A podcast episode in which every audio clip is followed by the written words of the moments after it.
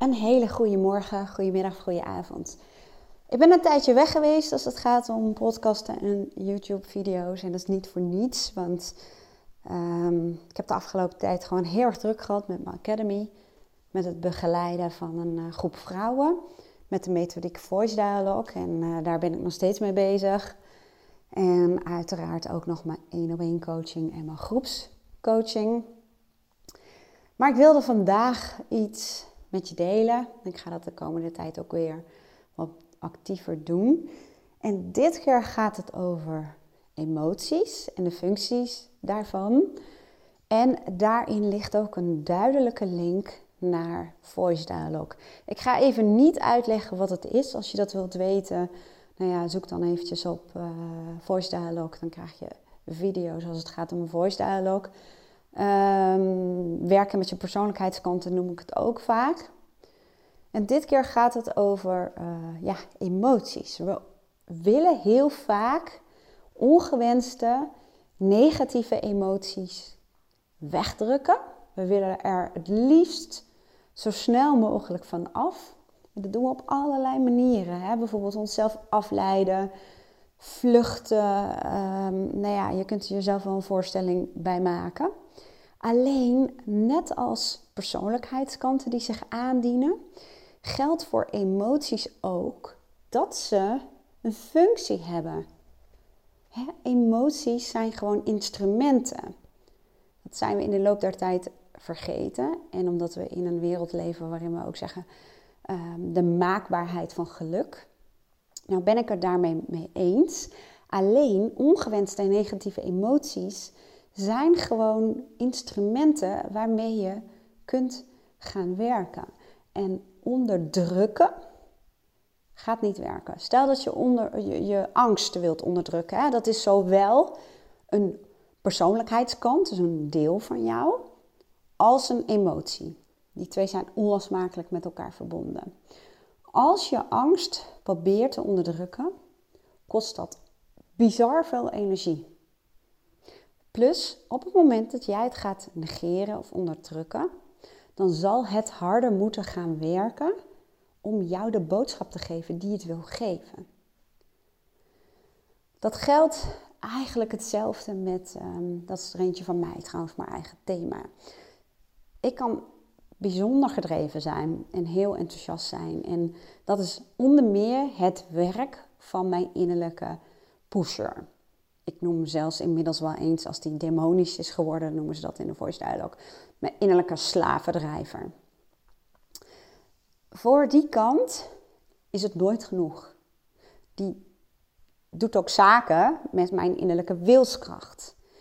Het verraderlijke van wilskracht is dat wilskracht vaak draait op geleende energie. Energie die er eigenlijk niet is, maar die wel als zodanig voelt. Je staat als het ware in de overdrijf. Je race door je leven en dat voelt goed. Je hebt een high energy, lijkt. Maar eigenlijk is het, ja, het is iets anders. Je herkent het waarschijnlijk wel. En als je dan tussendoor signalen krijgt van uh, kanten zoals rust en herstel, maar ze negeert en doorgaat omdat het allemaal zo lekker voelt, dus je enthousiast bent, zo gedreven bent en hè, die wilskracht, dan zullen die kanten van jouw rust en herstel of kalmte, die graag ook uh, willen zorgen dat je lichaam zich herstelt en je mind, harder moeten gaan werken om zich te laten zien of horen. Als je dat voor langere tijd negeert, dan zullen die kanten vaak ook je lichaam in gaan zetten. Dan krijg je bijvoorbeeld, in mijn geval, krijg ik dan bijvoorbeeld hoofdpijn. Of uh, sommige mensen krijgen pijn in hun rug. Of nou ja, whatever. Of worden ziek. Of worden verkouden. Of, of nou ja, soms nog erger.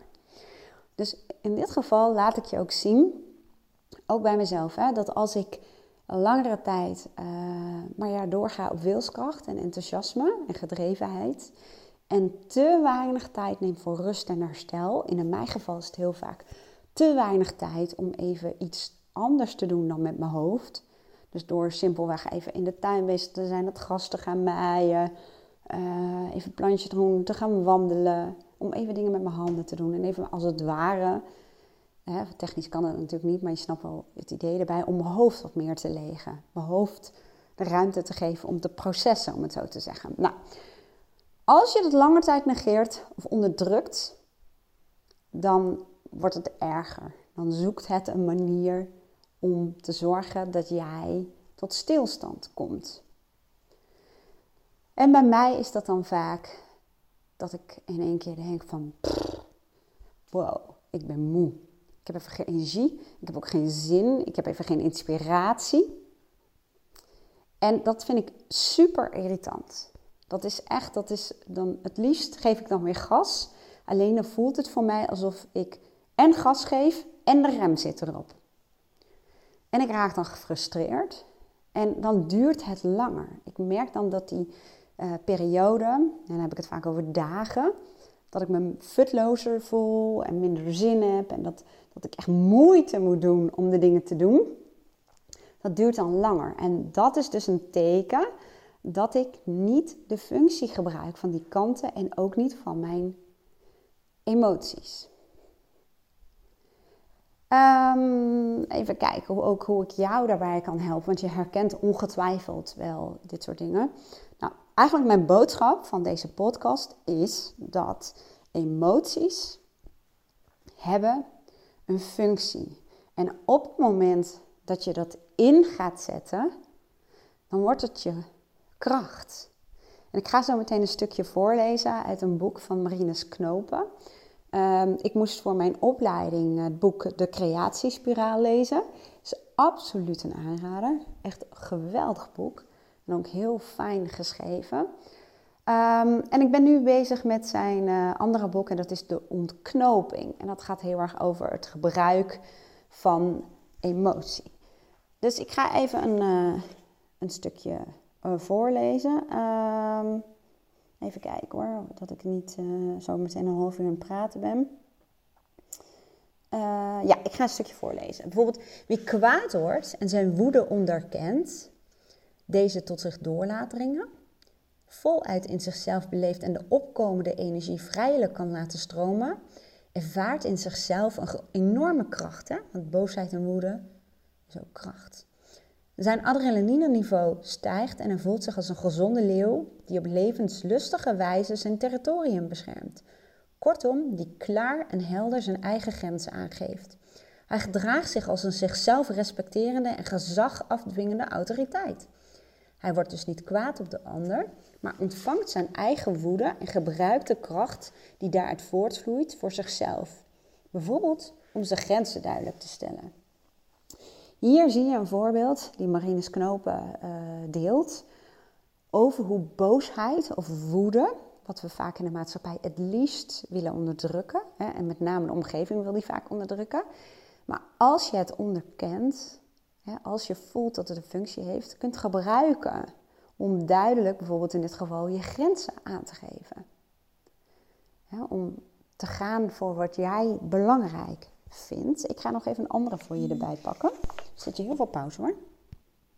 Ja, wie bang wordt en zijn angst onderkent, deze tot zich laat doordringen, voluit in zichzelf beleeft en de opkomende energie vrijelijk laat stromen, ervaart een enorme alertheid in zichzelf. Hij voelt zich als een kat in het nauw die volkomen vitaal en volledig op zijn hoede is om het dreigende gevaar het hoofd te kunnen bieden. Hij leeft als een avonturier die zich terdege bewust is van de risico's. Hij kruipt niet angstig in een hoekje, hij wordt niet roekeloos, maar is alert, voorzichtig en behoedzaam. Kortom, hij leeft zijn leven als een avontuur. Dus hier zie je dat angst is functioneel. Dat zeg ik ook heel vaak. Angst ervaren heel veel mensen als zeer vervelend, maar dat komt omdat die kant, bij wijze van spreken, die emotie, als het ware um, je stuur overneemt. En dan kun je situaties alleen nog maar beschouwen vanuit het perspectief van angst. En dat verlamt en dat stagneert en dat, nou ja, dat is heel erg vervelend. Maar op het moment dat je luistert naar de kracht van angst en de functie van kracht, dan weet je dat angst alertheid, voorzichtigheid en behoedzaamheid met zich meebrengt. Dus dat je op avontuur kunt gaan, want daar zijn wij ook voor gemaakt als mens, maar dat je dat met een zekere alertheid doet en voorzichtigheid. En dan merk je dat angst een kracht wordt. Dat als jij bijvoorbeeld een, een berg wilt gaan beklimmen, dat je dat op een wijze doet die uh, voorzichtig is, behoedzaam, doordacht, hè, er is over nagedacht. En dan merk je dat angst gewoon ook je bondgenoot is, om het zo te zeggen. Ik lees nog een klein stukje voor uit het boek van uh, Marines. En nogmaals, ik zal de link hieronder zetten, zodat je weet waar ik dit uithaal. Het is dus echt een aanrader.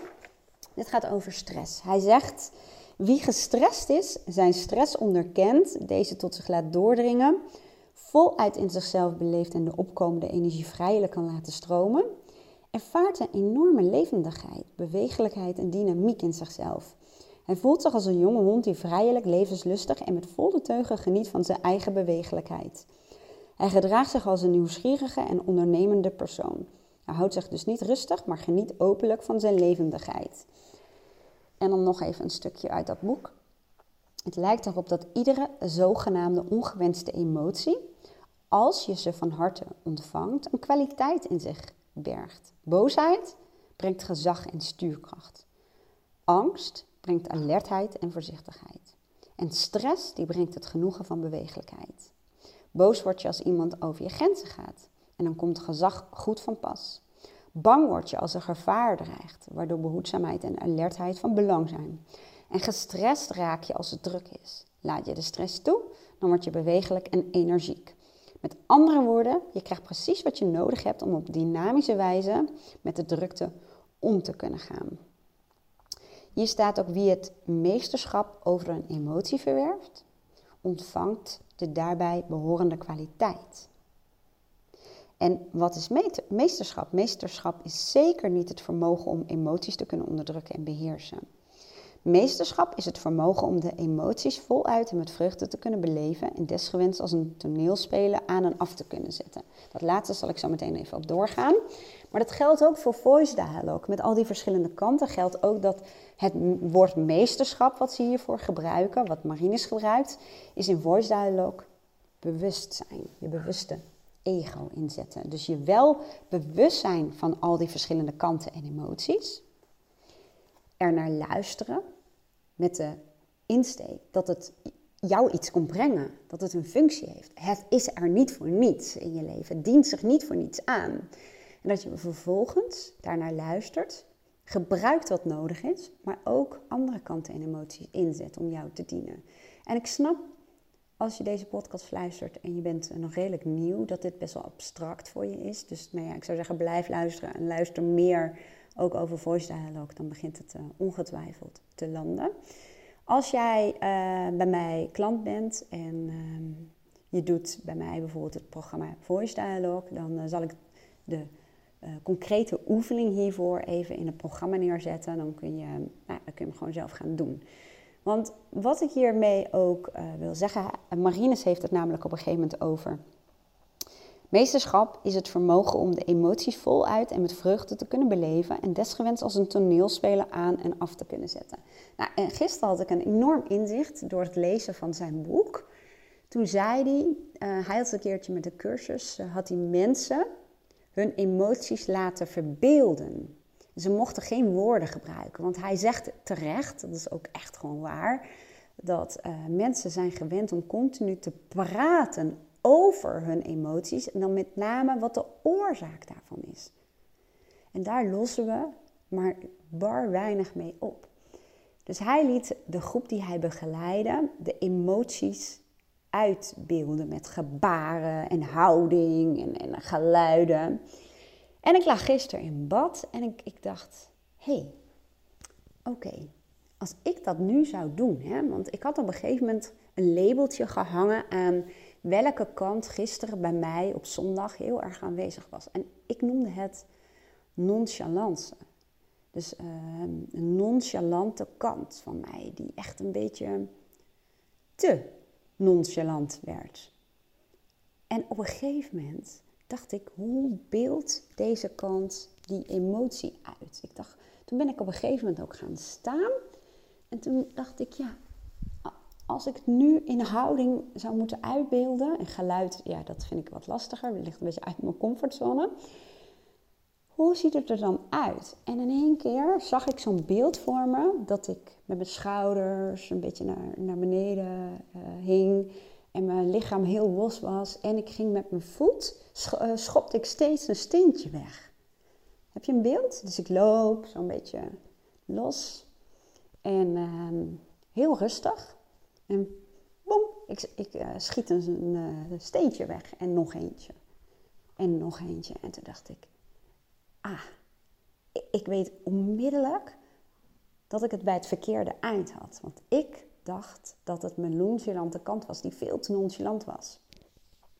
Bijna een beetje, uh, wat is het? Uh, hoe zeg je dat nou? Wat is nou als je een nonchalante kant doorslaat? Uh, ik heb even niet het goede woord, maar in ieder geval veel te nonchalant. Alsof het allemaal niet meer zoveel ertoe doet, om het zo te zeggen. En in één keer dacht ik gisteren door het uitbeelden van die kant. Nee, dit is niet mijn nonchalante kant, dit is mijn vlierenfluiter. En toen dacht ik, aha, dat is compleet wat anders. En op dat moment was ik ook in staat, ik voelde hem onmiddellijk, dacht ik, mijn vlierenfluiter. Wat is die nu aan het doen? Wat, wat, wat wil die mij vertellen? En voor mij was het heel inzichtgevend, omdat ik dacht, ja natuurlijk, een hele lange periode waarin ik alleen maar vooral bezig was met mijn hoofd. Mensen helpen, begeleiden, één op één coaching, academy, programma's, mastermind. Met te weinig ontspanning, dan moet een kant in mij of een emotie moet het evenwicht komen herstellen. En de vlierenfluiter is absoluut een verstoten kant van mij. Een emotie die ik niet. Uh, nee, laat ik het even bij de kant houden. Een verstoten kant van mij. Maar als je er dus naar gaat luisteren, zegt die vlierenfluiter: Ik wil even geen doel. Ik wil even geen actielijst. Ik wil gewoon doen waar ik op dit moment zin in heb. Ik wil gewoon tegen dat steentje aanschieten, omdat ik het leuk vind om tegen een steentje aan te schieten. En het maakt mij echt geen ruk uit of het nuttig is of niet. Ik ben juist de kant die even nutteloos, doelloos wil zijn. Het maakt me allemaal niet uit als ik maar lol heb, als ik maar plezier heb. Dus ik zal zo meteen even kort samenvatten en ik zal um, de oefening voor je gaan maken. En die zet ik dus in het programma Voice Dialogue voor vrouwen en het algemene Voice Dialogue programma. Dus als je geïnteresseerd bent om dit bij jezelf te doen, nou, ga dan even naar het linkje onderaan deze podcast of YouTube video. Dan kun je wat meer lezen en dan kun je ook meteen aanmelden. En dan mag je meteen gebruik maken van het programma. En dat is levenslang voor jou en stap voor stap neem ik je aan de hand mee om je eigen verschillende kanten en emoties te leren kennen. Ook te voelen wat de functies daarvan zijn en hoe je de regie kunt pakken eigenlijk over je kanten en je emoties. En dit wordt dan een oefening ervan. Nou, even kort samengevat. Als mens zijn we geneigd om ongewenste en negatieve emoties te onderdrukken, te rationaliseren, te analyseren, om ervoor te vluchten, om het weg te drukken. Het mag er als het ware niet zijn. Wat we daarbij allemaal vergeten is dat emoties, we hebben ze niet voor niets. Het zal toch niet voor niks zijn dat we ze hebben. Ze hebben een functie. Op het moment dat je ze toelaat, er naar luistert en ze in dit geval uitbeeldt. Dus probeer je een beeld te vormen van waar heb ik nu last van, van welke emotie. En hoe zit dat in mijn lichaam? Hoe ziet het eruit als ik me angstig voel? Probeer maar eens uit te beelden hoe het voelt als je je angstig voelt. Waarom zeg ik dit? Omdat op het moment dat je dat doet, dan laat je eigenlijk emotie echt bewust toe. Je geeft het de ruimte, je laat het er zijn. Ik zit nog te kijken. Woede. Probeer maar eens even woede in je lichaam te laten zien. Probeer. Ik, ik, als ik het doe, dan bal ik mijn vuisten en dan meteen voel ik verkramping. In mijn nek, in mijn schouders, in mijn hele lichaam. Dus op dat moment laat je als het ware je woede en je boosheid toe. Nou, en als je in het programma zit, mijn voorstel of je bent klant van mij, dan weet je inmiddels ook hoe je kunt luisteren, letterlijk en figuurlijk, naar wat die kant jou te vertellen heeft wat die kant wil dat jij gaat doen. Want dan laat je dus je emoties niet over je heen komen, maar ga je er echt mee werken en zet je het in als een kracht. Net als inderdaad boosheid is kracht en energie. Heel veel mensen die bijvoorbeeld depressief zijn of in een dip zitten, die gaan via boosheid, komen ze daaruit. Alleen de pest is vaak dat de omgeving die boosheid niet zo toestaat. Die wordt daar ongemakkelijk van en die probeert het te onderdrukken.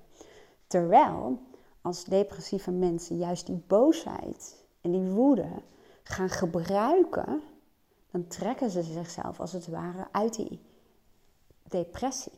Nogmaals, woede is regie, is stuurkracht, is überhaupt kracht. Nou, ik hoop dat je hier iets aan had, dat je een beeld hebt van het nou ja, idee dat emoties kwaliteiten zijn, ook de ongewenste emoties. Maar dan zul je ze wel bewust moeten gaan inzetten. Marines Knopen noemt het meesterschap, wat ik ook een prachtig woord vind. Ik gebruik vaak het woord bewust. Bewustzijn en bewust handelen. Nogmaals, wil je hier meer over weten en wil je deze oefening uh, krijgen en gaan doen? Kijk dan eventjes uh, via onderstaande link naar het programma. En je kunt je vandaag nog aanmelden als je dat wilt. En als je zegt, nou, ik, ik weet eigenlijk niet precies hoe en wat. En of wat wat van mij is, dan kun je altijd even contact met me opnemen. Dan leg ik het je uit. Dankjewel voor het luisteren. Als je het leuk vond, dan uh, nou, abonneer je dan eventjes op mijn podcast of op mijn YouTube kanaal. En like het even. En als je denkt dat er andere mensen zijn die hier wat aan kunnen hebben, dan nou, ik zou zeggen, deel het. Uh, dat waardeer ik zeker als je dat doet. Ik wens je een hele fijne dag en tot gauw. Doei doei!